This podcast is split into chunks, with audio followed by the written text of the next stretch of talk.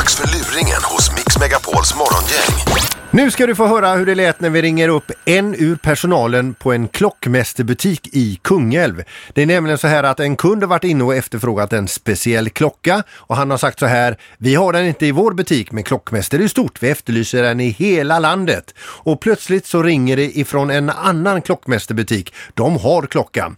Killen kanske inte blir så jättelurad men vi som gör samtalet har desto roligare.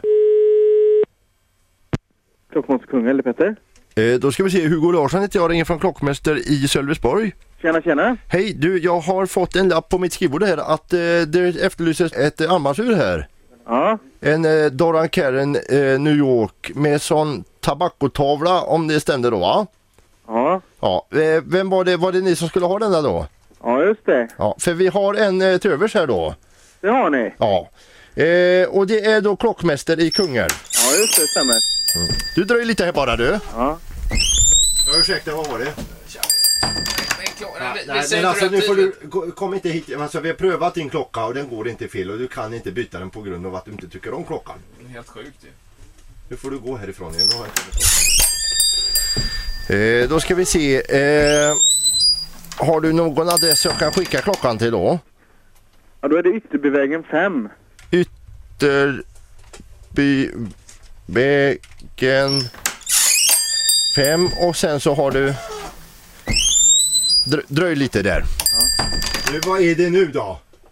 Jag visar ju inte rätt tid. Ja, du, och du står inte och hytter med näven åt mig du.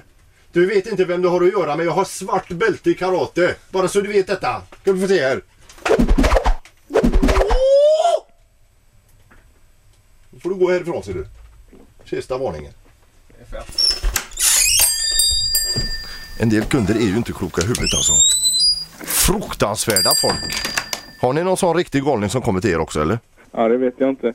Du, adressen vidare här då. Ytterbyvägen 5, ja. 442 30 30 Kungälv. Kung... Ursäkta Petter, vad fan är det nu? Va, vad, är, vad är det nu?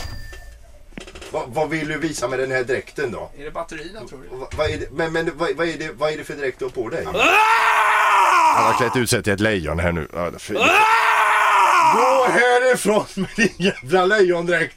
Jag, jag blir inte rädd, jag är inte rädd för lejon! Hej då! Ja du Petter.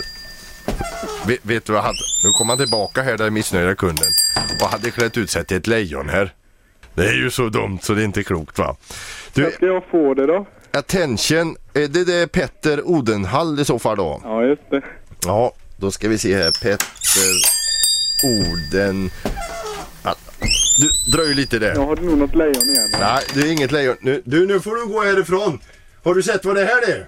Det här är en, det här är en flaska med bensin med en trasa i. Och det kallas för molotov cocktail. Och nu tänder jag på här ser du. Och här ska du fan med få smaka på det.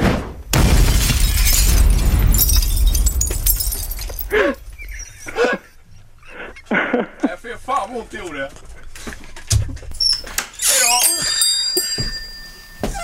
Ja, han gick här i alla fall. Då ska vi se, då har du ett inköpsvärde på 880 kronor och det är rekommenderat butikspris 1995 kronor då va? Ja. Eh, sådär. 1995. Det sätter ju ni lite grann så som ni vill själva. Du Peter, Ja. nu får jag göra processen kort här ser du. Dröj kvar där lite. Nu, alltså nu är jag ju så trött på dig och din jävla reklamationsklocka va. Så nu, nu, nu får du dra värjan här ser du. Nu får du. Ja, ja. Är du? Du ska, du ska ha själva fäktningseffekten på nu ser du. Nu, nu. Ja, ja, ja.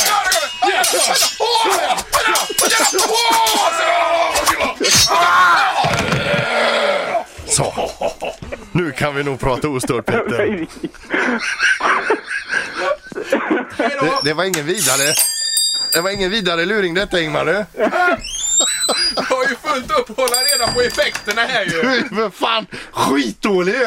Var det, var det inget lejon du skulle ha där nu? Nej, nu nu ska det vara lejonet en, en gång. Herregud. Petter!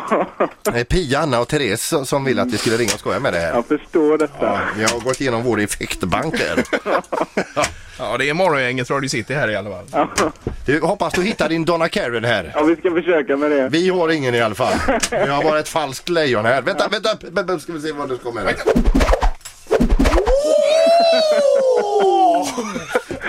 Ha det bra Petter! Ja, detsamma. Hej då! Hej då.